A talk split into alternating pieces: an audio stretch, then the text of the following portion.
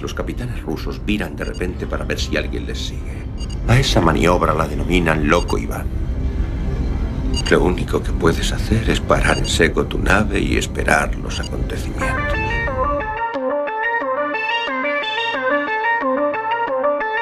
Galasphere 347 of Space Patrol calling unidentified ship. Good night,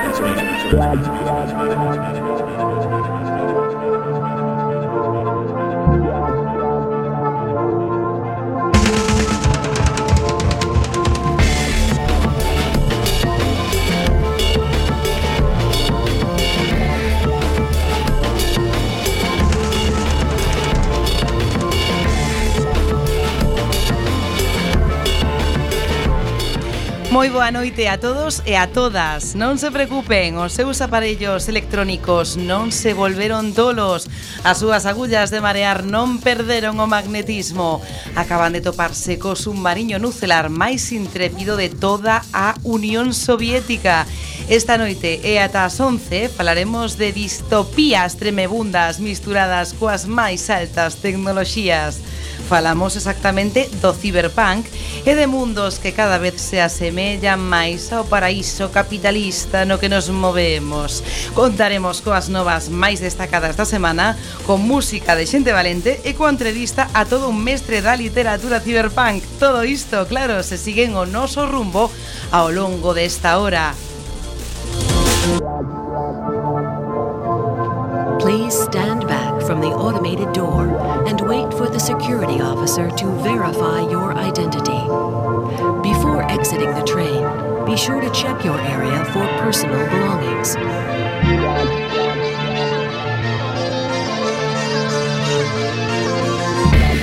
E non sería posible esta travesía, por suposto, se non fora por o señor Bugalov que está na sala de máquinas.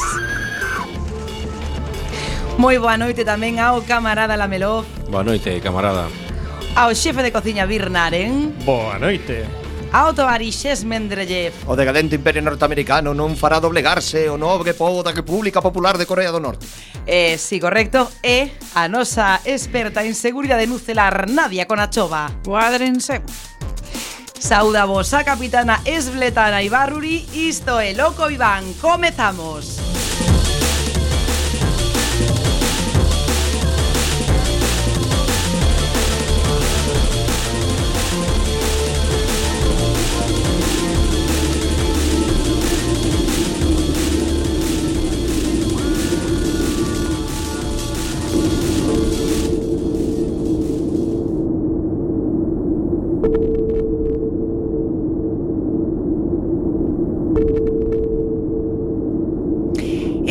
iniciamos a nosa travesía nucelar polas escuras augas do río Monelos por debaixo da Coruña, como sempre coas noticias máis destacadas da semana, esas que non recollen os medios capitalistas. Vamos alá, arriba Periscopio.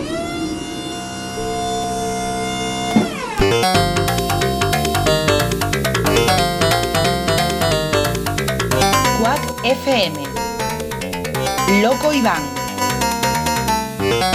Periscopio.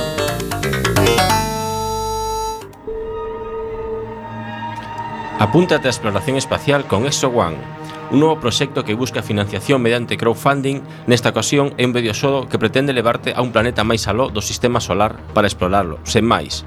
Viaxas nunha nave espacial alienígena con capacidade para manipular a gravidade e consiste en explorar planetas sen inimigos, retos, carreiras ni nada que non sexa navegar polo planeta con música de fondo. Se vella aburrido que flipas. Pero ainda así piden 35.000 denarios para rematalo e levan recaudados a terceira parte. Nos, para explorar cousas, xa temos este submarino. Eh, unha mala nova. Haberá máis películas de Avatar. Oh. Oh. O destino sei a castigarnos, camaradas. Debemos estar facendo algo mal porque non é normal tanta desgracia xunta. Se non chegaba coa nova película de Matrix, temos que aturar unha nova entrega do bodrio de James Cameron que resou nas taquillas no 2010. A versión espacial de Pocahontas continuará en 2020 e por se fora pouca desgracia, Avatar 3 chegará en 2021. E ameazan a cuarta e quinta parte, como se fora unha maldición berebere. Eu vou apuntar na misión a Marte, so de ida, a verse libro. Un RPG de prisións busca financiación mediante crowdfunding. Trátase do videoxogo de rol Locked Up, ambientado no cárcere con perspectiva isométrica e moitos elementos cyberpunk. O estudio de desenvolvemento é Kickflip E din da súa obra que é un xogo duro onde todas as accións teñen consecuencias, co cal a historia pode variar sustancialmente en función das decisións que tomemos. Haberá guardias corruptos, camaradas de prisión ultraviolentos e preocupacións aínda maiores que todas esas. Necesitan 500.000 denarios para financiarse, cifra que pretenden conseguir en 27 días. Os momoropogos non están mortos. Os videoxogos multixogador masivos de Gol Online, MMORPG, non están tan mortos como se pensaba, algo que demostrou Age of Creation, ao financiarse mediante crowdfunding nun só día, conseguindo os 750.000 sextercios que pedían. E aínda teñen 28 días máis para subir esa cifra. A maioría dos xogos deste tipo consisten en milleiros de xogadores loitando contra monstruos, inimigos e conseguindo recursos para construir cousas dun xeito bastante repetitivo e monótono. Ace of Creation quere ir noutra liña e que sexan as persoas as que vayan marcando o rumbo dos acontecementos coas súas accións. Non, afortunadamente non se trata dun proceso participativo. Quere dicir que a historia e o mundo do xogo cambian coas accións das xogadoras. Hoxe estrease Prey. Neste submarino temos predilección por Arcan Studios, a empresa detrás de Arfatalis e Dishonor, e que está chamada a ser a sucesora da lexendaria Looking Glass, a hora de facer videoxogos inmersivos. Prey promete manter o estilo habitual de Arcane, deseño artístico brallante, boa historia, inmersión e con homenaxes ao grandérrimo System Shock, Trata dunha invasión alieníxica na estación espacial Talos e deberás facer fronte a ela polo ben da humanidade. Aínda que tal e como están as cousas, non sei se mellor deixalos estar. Sai en PC e caixa de xoguete por un precio non apto para proletariado, 59 denarios.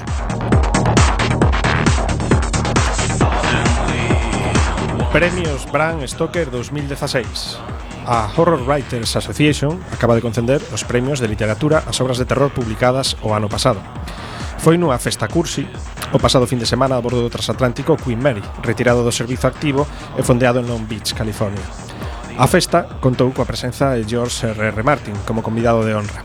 A mellor novela foi para John Lagan, por The Fisherman, o pescador, protagonizada por dos vivos, non sabemos se de Lugo, que queren recompoñer as súas vidas nunha xornada de pesca na reserva de Ashokan, en Nova York, onde pasarán medo pola presencia da figura do pescador.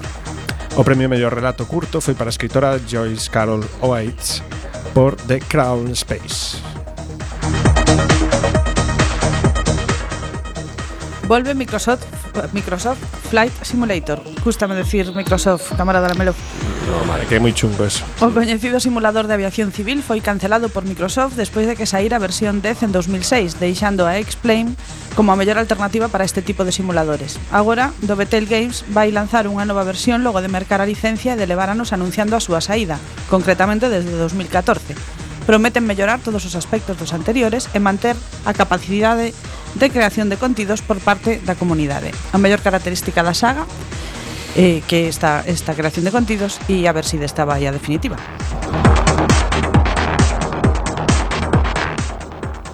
A Torre Escura sairá en agosto, nova adaptación ao cine dunha obra de Stephen King, que nesta ocasión conta coa colaboración do propio escritor, un detalle importante posto que non é só unha novela, senón toda unha saga. O director é Nicolás Garcel, que tamén dirixeu Os homes que non amaban as mulleres ou Un asunto real. E ten como protagonistas a Matthew McConaughey e a Idris Elba. E sairá en agosto deste ano.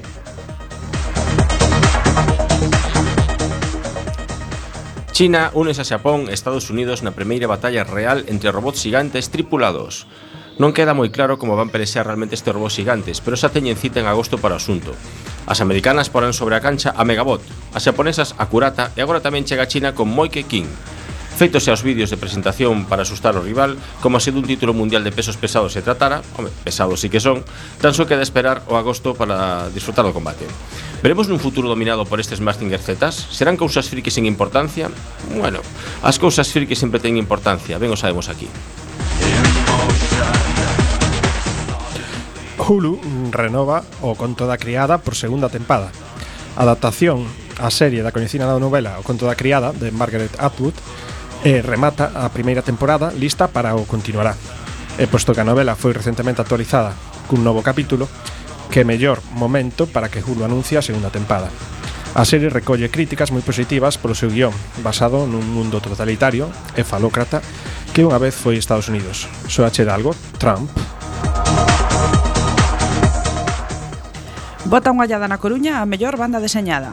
Panorama da BD, a exposición que recolle os traballos do último ano en Galicia do mundo do cómic segue a medrar. Tanto que por primeira vez realizarase fora de viñetas desde o Atlántico. Sí, camaradas, a mostra de artistas galegos e galegas que forman parte cada verán do Salón do Cómic gaña protagonismo e desde esta semana podes visitala en Durán Loriga. 68 artistas participan nesta edición, cada quen con dous traballos. Veredes a xente recoñecida como Miguel Anxo Prado ou David Rubín e a novos valores como Yupillello, Luis Llán ou Xulia Vicente, incluso algunhas camaradas que xa pasaron por Loco Iván, como Emma Ríos ou Xulia Pisón. Falando de xente que apreciamos, este ano o comisario é Jano Viñuela en sustitución do camarada Bernal Prieto, que como sabedes hai unhas semanas pasou polo noso submarino nucelar a presentarnos o autobán. A novena arte está de moda, case tanto como ir de roteiro con la meloz polo gulag. Presentación de Baldos Mercaderes en Alita Comics. Mañá sábado na Ronda de Nelle 120, Alita Comics presentará os últimos xogos de cartas de Debir, o Baldos Mercaderes e Kodama, os espíritus da árbore, ademais de poder mercalos e apoiar ao comercio local gastando uns poucos maravedís. O Baldos Mercaderes é un xogo no que terás que ser o mellor e máis astuto comerciante do gremio. E tamén este sábado presentarán a Anabel Collazo, María Ponce e Luis Yang na tenda A Fantasía Final do Niño, o fanzín gañador do Salón do Cómic de Barcelona do ano pasado. Xoga experimenta, a ciencia volve á rúa.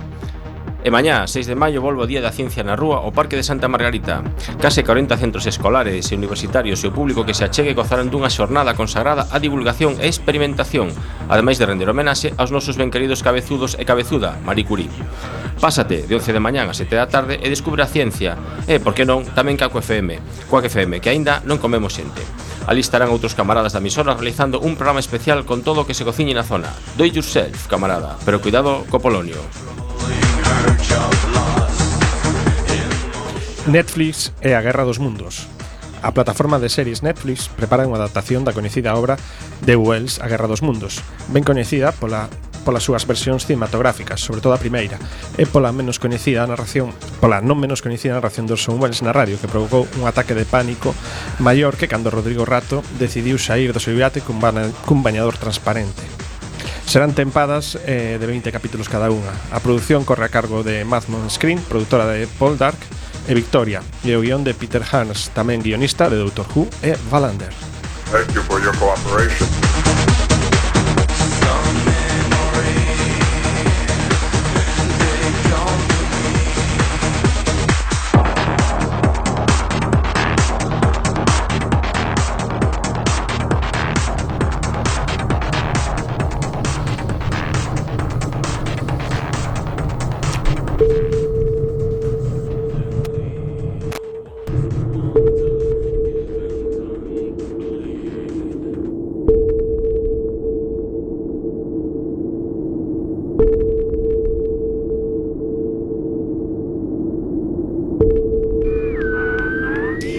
Como nos encantan as noticias que lles damos a coñecer todas as semanas e como nos encanta tamén esa, esa música de fondo que, que tiñamos hoxe que te daba así ganas como de, de sair á rúa así con cara de, de ciberpunk, non?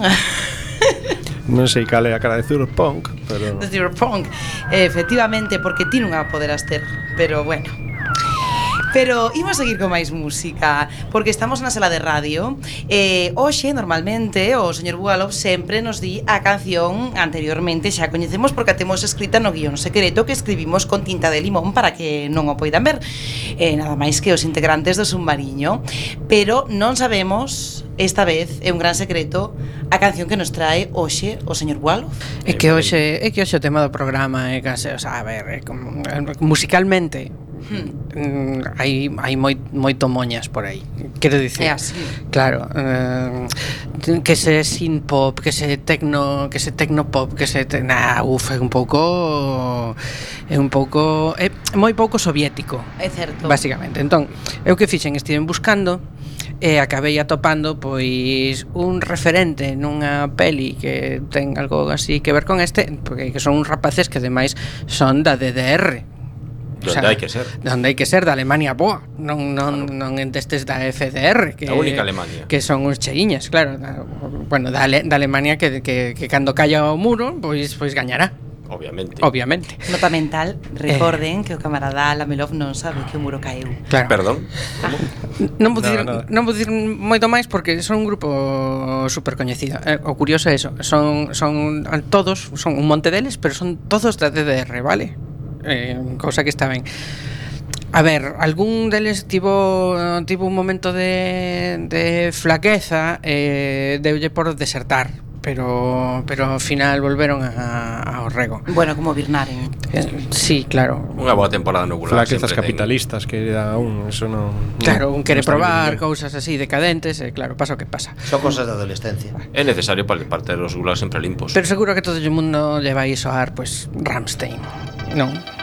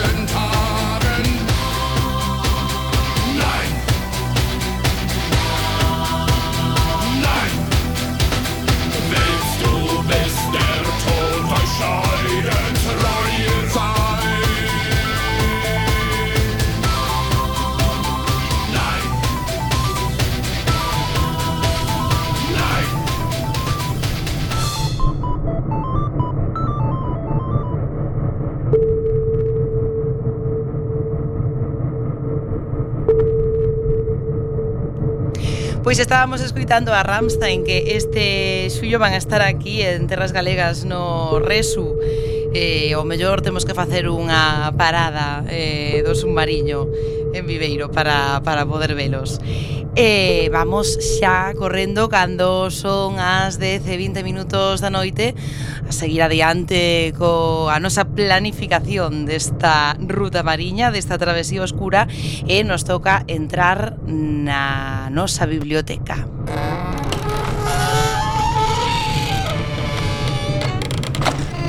Isto hai que arranxalo, eh, camarada Lamelov, porque non pode ser é que non hai xeito, metamos plutonio, aí polonio e nada. Pois non sei, bota tomaco ou non sei, hai que facer algo. Podemos deixar a porta esa aberta. porta, tamén é certo, a porta aberta. Non, non, porta aberta non. non. non. Bueno, vamos hoxe a escoller mm, así o azar destas cousas que facemos sempre, claro, eh, un libro. Hoxe temos un clásico do Cyberpunk, trátase de Esmendrellev Pois neste caso estamos falando de soñan os androides con ovellas eléctricas. De Pensei Philip que non Dick. estabas preparado, pero efectivamente hoxe todavía non puiden collerte, pero bueno. Escrita no ano 1968 e situada nun mundo cheo de polvo radiactivo, Despois dunha guerra nucelar que rematou matando a maioría dos animais da Terra, o que nos leva a que a xente teña animais eléctricos. O, o protagonista é Rick Declar, un ex policía especialista en retirar androides, Foi a obra na que se inspirou Ridley Scott para facer a obra mestra do cine que Blade Runner, da que, bueno, pois xa os falamos eh, case sempre, eh, especialmente no programa dedicado a distopías que tivemos hai unhas semanas. A novela trata dos límites éticos entre o natural e o artificial e tamén da década da vida e da sociedade.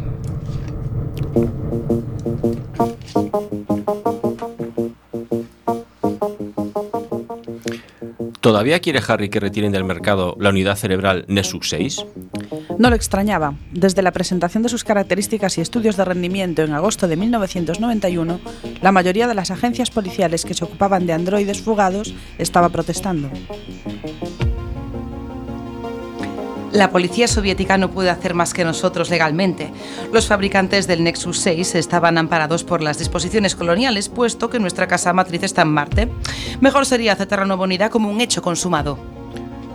Siempre ha ocurrido lo mismo con cada unidad cerebral, mejorada. Recuerdo los aullidos de sufrimiento cuando la gente de Saderman presentó el viejo T-14 en el 89.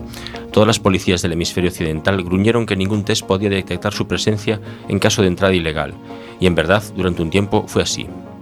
Más de 50 androides T-14, según recordaba, habían conseguido llegar a la Tierra de una otra manera, sin ser detectados durante un año entero en algunos casos. Pero luego el Instituto Pavlov de la Unión Soviética creó un test de empatía de Void y ningún androide T-14, por lo que se sabía, había logrado burlarlo.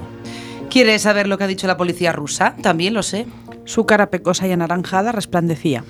Se lo preguntaría a Harry Bryan. Los chismes le desagradaban porque siempre eran más precisos que la verdad. Se sentó ante su mesa y deliberadamente se puso a buscar algo en un cajón. La señorita Marsen comprendió la insinuación y se retiró. Rick extrajo un viejo y arrugado sobre de papel de Manila, se echó atrás en su sillón de estilo importante y hurgó en su contenido hasta que encontró lo que buscaba, los datos existentes sobre el Nexus 6. Un momento de lectura justificó la afirmación de la señora Marsden. El Nexus 6 poseía efectivamente los 2 trillones de elementos, así como la posibilidad de optar entre 10 millones de combinaciones de actividad cerebral. En 45 centésimas de segundo, un androide equipado con esa estructura cerebral podía asumir una cualquiera entre 14 actitudes de reacción. En otras palabras, los androides con la nueva unidad cerebral, Nexus 6, desde un punto de vista pragmático y nada disparatado, sobrepasaban a una considerable porción de la humanidad, aunque fueran los de nivel inferior, para bien o para mal. En algunos casos, los criados superaban a los amos, pero había nuevos criterios, por ejemplo, el test de empatía de Boyd Kampf. Un androide, por dotado que estuviera en cuanto a capacidad intelectual pura, no podía encontrar el menor sentido en la fusión que experimentaban rutinariamente los seguidores del mercerismo, y que tanto él mismo como prácticamente todo el mundo, incluso las cabezas de chorritos normales, lograban sin dificultad. Se había preguntado, como casi todos en un momento u otro, por qué precisamente los androides se agitaban impotentes al afrontar el test de medida de la empatía. Era obvio que la empatía solo se encontraba en la comunidad humana. En tanto que se podía hallar cierto grado de inteligencia en todas las especies, hasta en los arácnidos. Probablemente la facultad empática exigía un instinto de grupo sin cortapisas. A un organismo solitario, como una araña, de nada podía servirle. Incluso podía limitar su capacidad de supervivencia al tornarla consciente del deseo de vivir de su presa. Y en ese caso, todos los animales de presa, incluso los mamíferos muy desarrollados como los gatos, morirían de hambre. En una ocasión había pensado que la empatía estaba reservada a los herbívoros o a los omnívoros capaces de prescindir de la carne. En última instancia, la empatía borraba las fronteras entre el cazador y la víctima, el vencedor y el derrotado.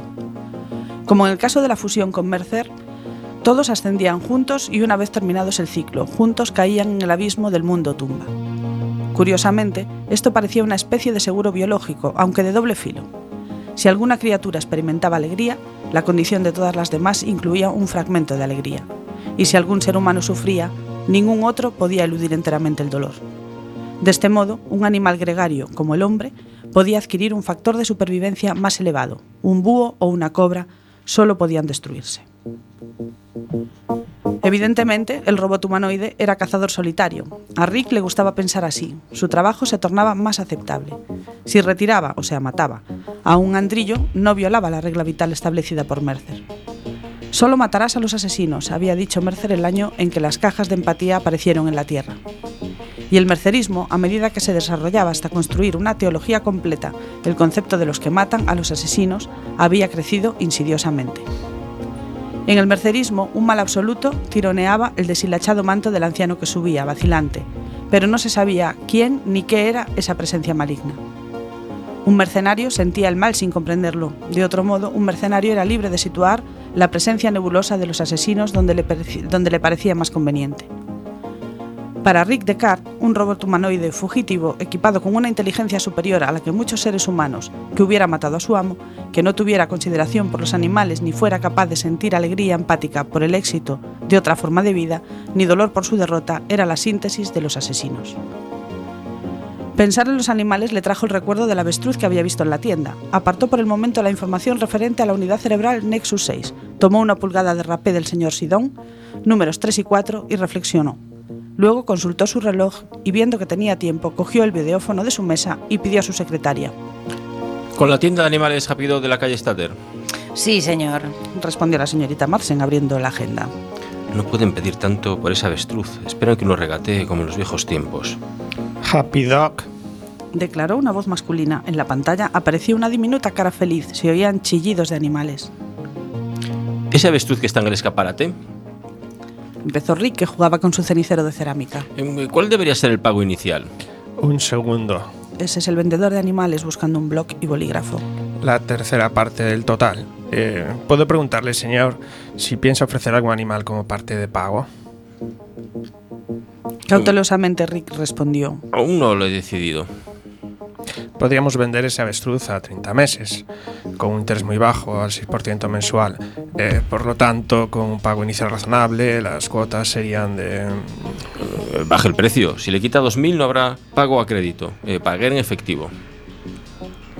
Dave Holden está fuera de juego, pensó. Eso podría significar mucho, según la cantidad de misiones que aparecieran al mes siguiente. Señor, eh, nuestro precio está mil dólares por debajo del corriente. Consulte su Sydney. Esperaré. Eh, deseo que vea por usted mismo que el precio es el correcto. Ay, se mantiene firme. Sin embargo, por no dar su brazo a torcer, extrajo del bolsillo el Sidney plegado y buscó avestruz, macho hembra, joven viejo, sano enfermo, perfecto con fallas, y examinó los precios. Perfecto, macho, joven, sano, 30 mil dólares. También él tenía el Sidney a la vista. Estamos exactamente mil dólares por debajo. Entonces, pago inicial. Eh, Bueno, lo pensaré y volveré a llamar. ¿Su, su nombre, señor? Preguntó el vendedor vivamente. Eh, Frank Merriwell de la Borgoya. Y su dirección, señor Merriwell, por si no me encontrara cuando llame. Inventó una dirección y colgó el, video- y colgó el videófono. ¿Cuánto dinero? Y sin embargo la gente los compra. Hay quien tiene esas cantidades. Cogió nuevamente el aparato y dijo con dureza. Una línea exterior, señorita Marston, y no escuche la conversación, es confidencial. La miró severamente. Sí, señor. Puede llamar. Se retiró del circuito y dejó que él enfrentara solo el mundo exterior. Rick llamó de memoria el número de la tienda de animales falsos donde había comprado su falsa oveja. En la pequeña pantalla apareció un hombre vestido de veterinario. Doctor McRae. Soy Decar. ¿Cuánto vale el avestruz eléctrico? Diría que algo menos de 800 dólares. Eh, ¿Cuándo los quiere? Habrá que hacerlo especialmente. No tenemos muchos pedidos. Eh, bueno, llamaré más tarde. Repuso Rick y al mirar su reloj descubrió que eran ya las nueve y media. Hasta luego. Colgó deprisa, se puso en pie y muy pronto se hallaba ante la puerta del despacho del inspector Briant. Pasó junto a la recepcionista, atractiva, con trenzas de pelo plateado hasta la cintura, y a la secretaria del inspector, un antiguo monstruo de las ciénagas jurásicas, taimada y glacial, y glacial, semejante a una aparición del mundo tumba. Ninguna de las mujeres le habló, ni él a ellas.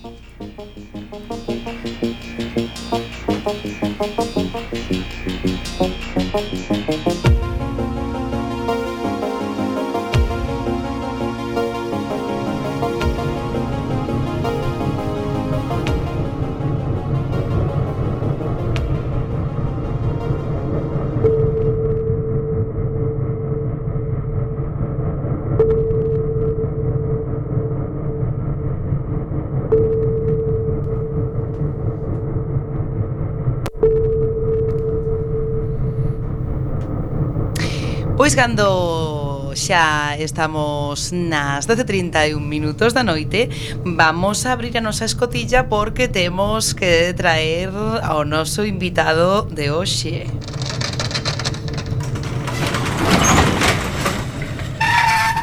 Como falamos de Cyberpunk para pois poder falar con alguén deste tema bastante bastante complicado de encontrar, a ver con quen podíamos facer unha entrevista, pero encontramos e topamos, como non, aquí na Coruña, sen movernos moito, de feito, eh, está aquí hoxe con nós no sumariño e Félix Carrira Aviso, moi boas noites, Félix. Moi boas noites. Autor, diríamos, da primeira novela Cyberpunk da Coruña, non sei se a primeira ou non, pero vamos a cuñar esta, isto aquí porque dá moito máis relumbrón, non cre? Sí, totalmente. Efectivamente. É autor da novela 850 aniversario da editorial Libros Mablaz. Así que, Félix, contanos un pouco, antes de nada, exactamente, se podes definilo, que é o ciberpunk? A ver, en curto é baixo nivel de vida e alto nivel de tecnoloxía, non? Pero eu creo que é un pouquiño máis esa reflexión acerca de o capitalismo, eh, a tecnoloxía como evoluciona e as relacións humanas, todo isto mezclado en a, o punto con puntos eh, filosóficos de se chegaremos a fusionarnos coa máquina e elementos así. Así, máis explicado. La Melof intenta fusionarse diariamente casi con, con, con máquinas, con pero torpedos, efectivamente. Como se lle ocorre eh, facer eh, un libro que fala da Coruña do ano 2058 que está celebrando o 850 aniversario da súa refundación, que non refundición, e aparecen atentados, o sea, mm. vostede se levantou un día pola mañá e dixo, isto me parece correcto, eh, correctísimo. Cuestión de ler menos... galego, vamos, o sea, tampouco le soy del galego e dis, tras, aí está.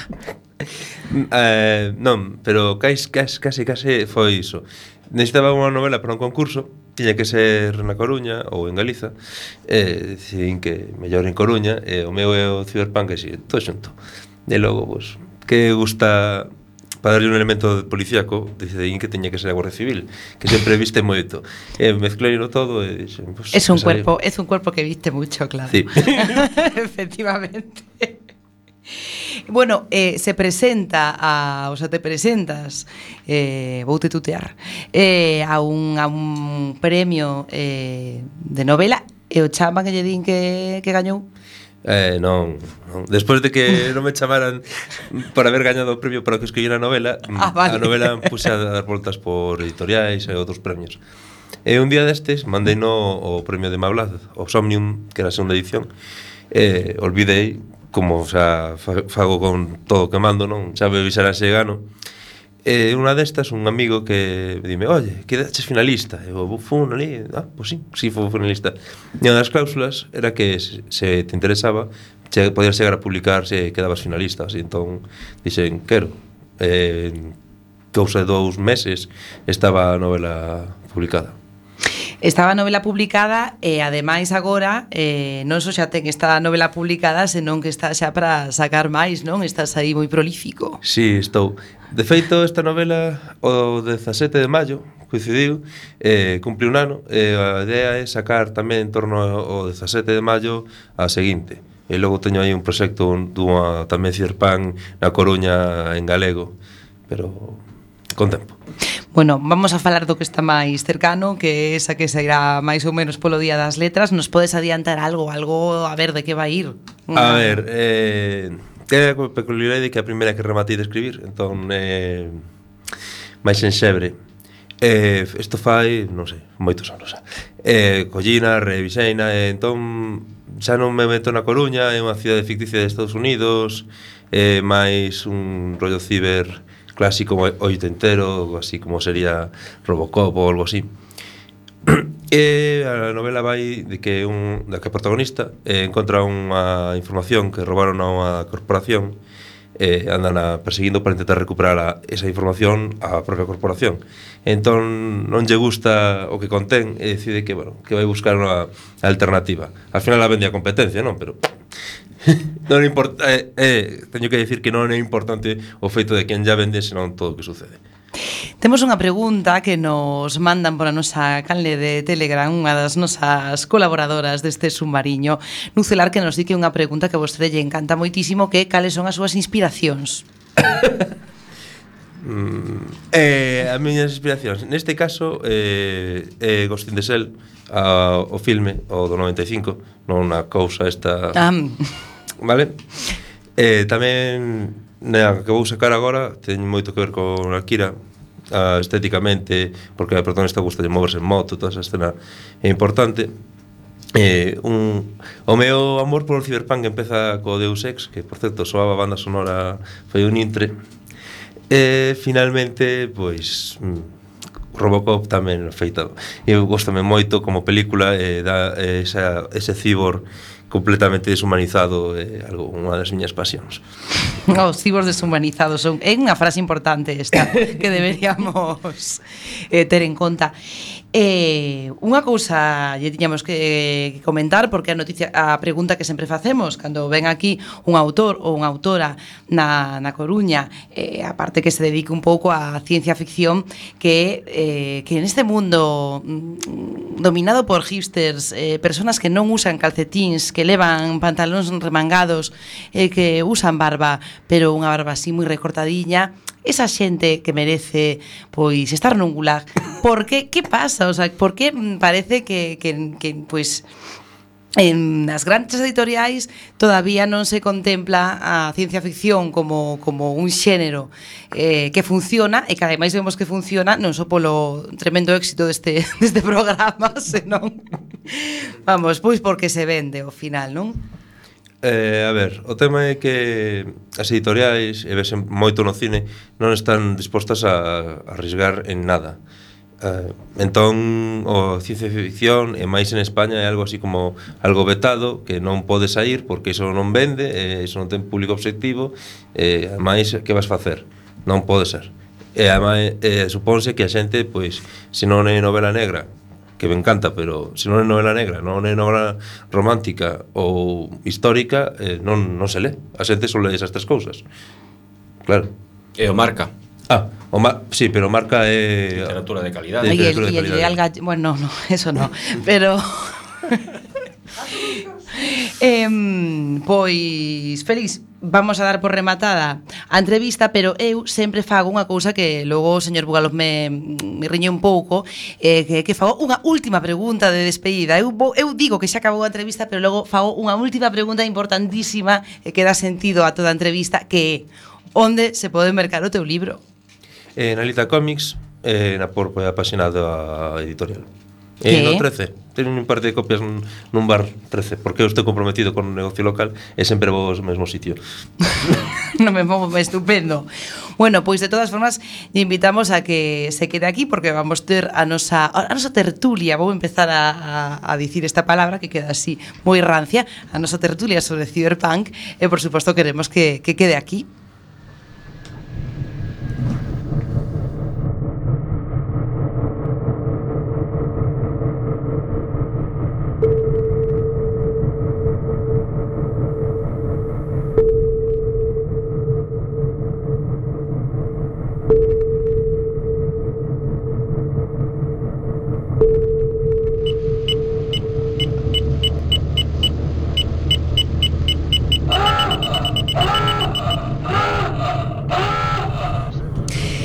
Estamos xa coa nosa inmersión profunda nas augas do ciberpunk. Imos comezar, como sempre, coas alocucións do señor Esmendellev Que nos vai falar do ciberpunk tamén no mundo da literatura. Bueno, pois nada, comentar que o Cyberpunk é un subxénero de ciencia ficción que é coñecido polo seu enfoque de alta tecnoloxía e baixo nivel de vida e que toma o seu nome da combinación de cibernética e de punk. Mestura a ciencia avanzada, como a tecnoloxía de información e a cibernética, xunto con algún grado de desintegración ou cambio radical na orde social, daí o de punk, no? que sempre que transgresor, no future e todo isto. De acordo con Laura Persson, que é un ensayista e galatista que teña unha opinión formada da que falarei despois, os personaxes da Cyberpunk clásico son seres marxinados, afastados, solitarios, que viven a marxe da sociedade, xeralmente en futuros distópicos onde a vida diaria é impactada polo rápido cambio tecnolóxico, unha atmósfera de información computerizada, ubicua é unha modificación invasiva do corpo humano, brazos mecánicos e estas, estas cousas, non? E señalar que o cyberpunk é unha crítica ao uso desmesurado e inmoral que se lle dá a tecnoloxía na nosa sociedade. A realidade é que as características do cyberpunk se estaronse na ciencia ficción anteriores, sobre todo na New Wave que surdiu nos anos 60 gracias á revista británica New Worlds, dirixida por Michael Moorcock. Se falamos de pre-cyberpunk, deberíamos falar dunha obra que se chama Limbo, non é moi coñecida, Transcorre no ano 1990 nun futuro distópico no que a Terceira Guerra Mundial produciu grandes cambios e mortandade tanto na parte capitalista como a socialista do, do mundo, non? Entón surde un extraño... Moi distópico eso. Home, pois eh, como sigan así Trump e o gordiño de Corea do Norte, pois a ver como estamos. Agardemos que agardemos que non, non? Un respeto para o camarada coreano. Un respeto polo camarada coreano. E ten, bueno, ten un pelazo, eh. Sí. É o que me, o máis bonito que ten o home. Que Coincido completamente. Cambiaba o comunismo por ese pelazo. Pois bueno, nese desenvolvese nese mundillo un fanatismo quasi religioso eh, que manipula as ideas dun doctor eh, dun doctor que dixera que o ser humano é violento por natureza e que as guerras eran inevitables na metro que que tiver extremidades. Así que esta xente o que decide é que cortando cachos, pois a guerra o tema da guerra e tal. Sen embargo, se de falar dos precursores do cyberpunk, prefiro sinalar outro exemplo que outro exemplo que nos vas ler ti agora mesmo, capitana. Ah, eu agora mesmo vou a ler. Me incliné para evitar a Georgie, que estaba entre el horrible lerdo y yo, eh, y descargué un puñetazo en la cara del lerdo. El Lerdo pareció muy sorprendido, enjugándose... Hai unha cousa que teño que dicir que, que... O, o camaradas Mendrellev me manda a ler unha cousa que non sei en que idioma está escrito, non son capaz de traducilo. Nasdaq, logo falaremos diso. Ben, vou empezar outra vez. o sea, un pouco de orde, por favor. Por favor. Vou empezar. A camarada lee no idioma que lle peta. Ahí vamos. Me incliné para evitar a Georgie, que estaba entre el horrible lerdo y yo. Y descargué un puñetazo en la rota del lerdo. El lerdo pareció muy sorprendido, enjugándose el crobo de la guba con la ruca y observando rotiabierto el crobo rojo y mirándome. Por que hiciste eso? Preguntou torpe, como sempre.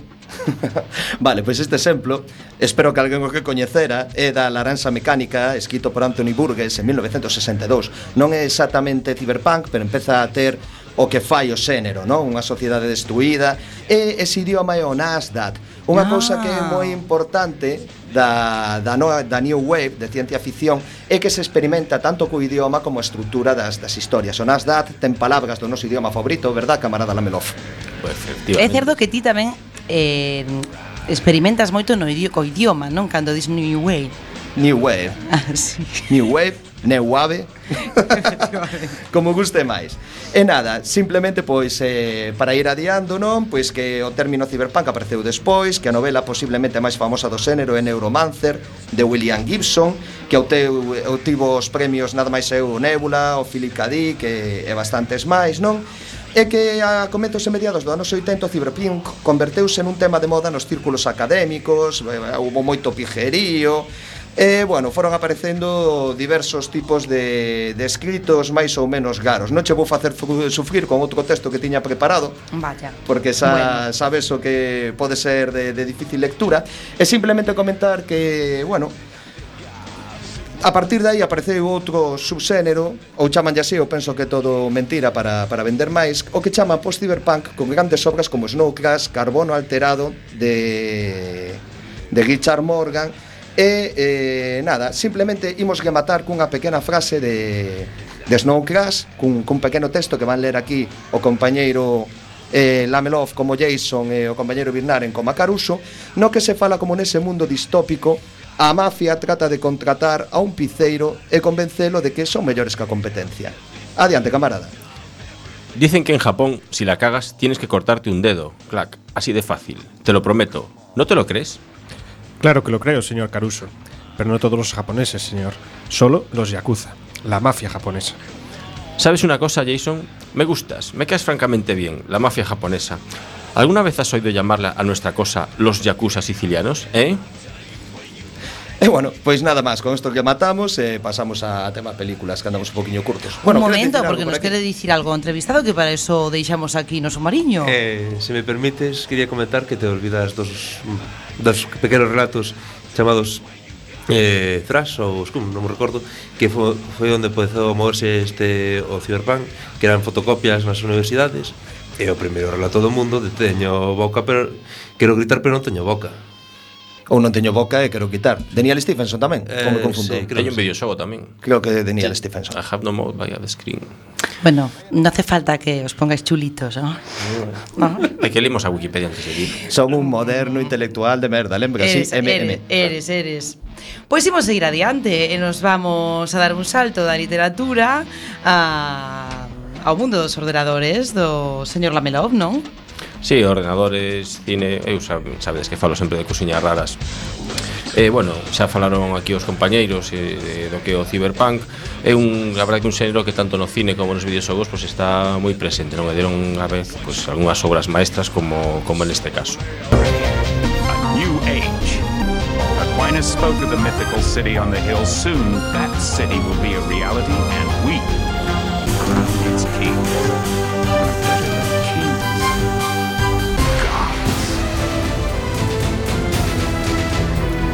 Pois é Deus Ex, antes eh, falaba aquí o noso invitado de, de que foi unha das súas fontes de inspiración. Deus Ex é unha obra mestra do videoxogo É unha demostración de que o videoxogo pode ser considerado unha forma de expresión artística tan boa como, como calquera outra Quizáis comparado co, co cine, pero neste caso interactivo forma, na miña opinión, xusto con Disonor, eh, con Thief, con Stalker ou con System Shock, que logo falarei del, deses filmes. Porque non pode, o sea, non podería non ser que acabáramos un programa sen que sen falar de System Shock, claro. Obviamente, que senón sería ilegal. Bueno, pois pues son os videoxogos, digamos que fixeron a compañía Looking Glass, que tamén falamos moito, falo moito moito dela, porque focalizaban sempre a inmersión, o facer como que o xogador ou a xogadora foran o protagonista, non, da historia se sentiran como que están aí dentro, non?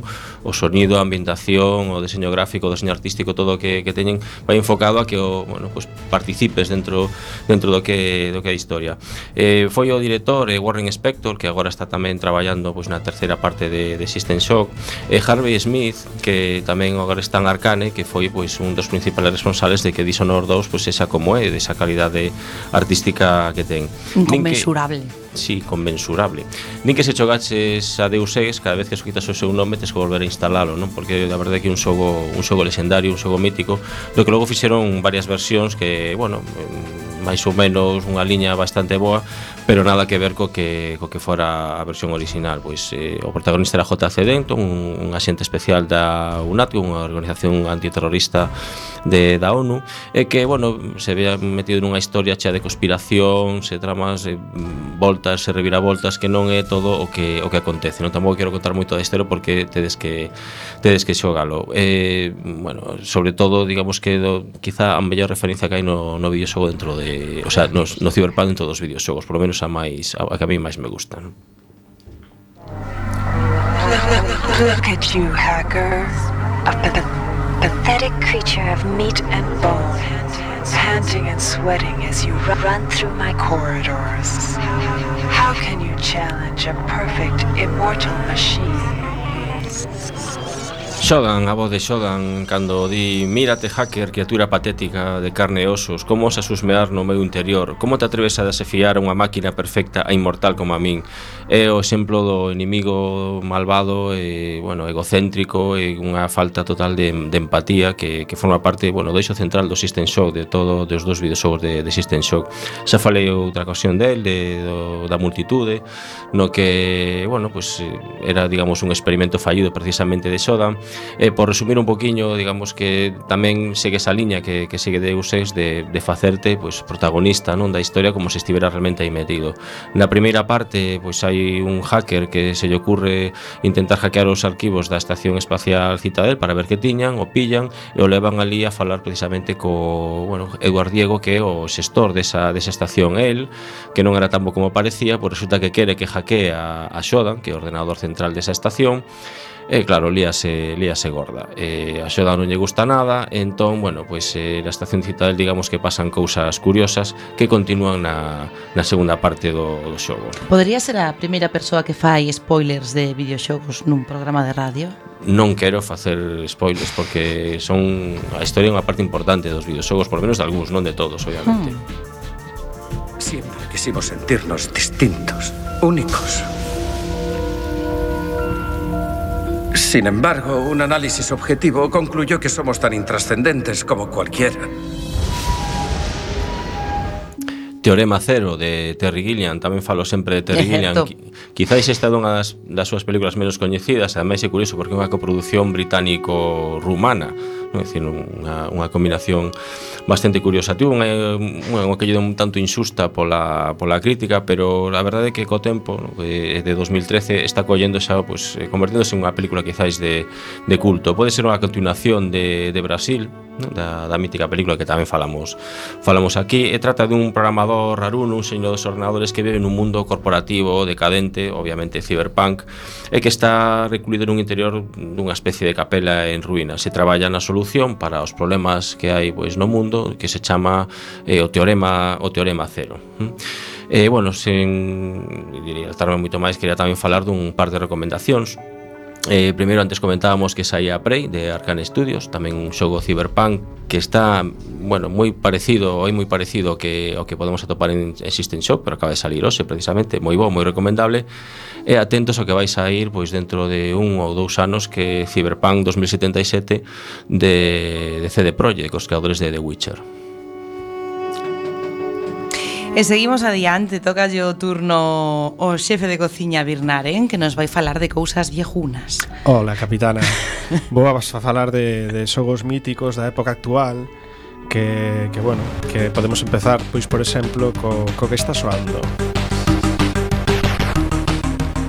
Este, esta música é do Speedball, que é un xogo deportivo do ano 1988 e, e bueno, pois en un futuro cyberpunk pois dous equipos se enfrontan pois prácticamente a morte eh, por, por conseguir a victoria no?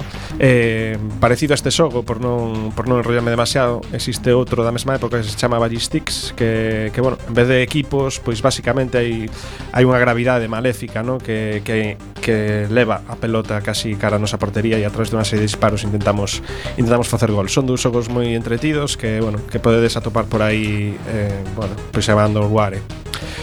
E eh, digamos que do, do deporte cyberpunk eh, pasamos á acción e eh, ao arcade. Robocop. Yes, Robocop. Serve the public trust, protect the innocent, uphold the law. Eh, Robocop é eh, un arcade puro eh, típico da, da, da época das máquinas recreativas que, que bueno, que, que bueno, sempre estábamos aí como buscando unha moneda de 5 duros a ver se si podíamos xogar outra partida, non? Eh, bueno, un xogo moi entretido, cunha, cunha xogabilidade moi, moi boa e ademais eh, podría falar de outro xogo pois, do estilo que se chama Strider que, que bueno, que tamén é un arcade eh, tamén da, da época, o que pasa que, bueno, xa tiña unha dificultade un pouco maior. O Strider veíamos a primeira primeira fase e pouco máis. Íbamos de aí, morríamos e volvíamos a xogar outra partida. Pero quero vos falar tamén pois de algo máis moderno, que en este caso pois é do Shadowrun. Xogazo.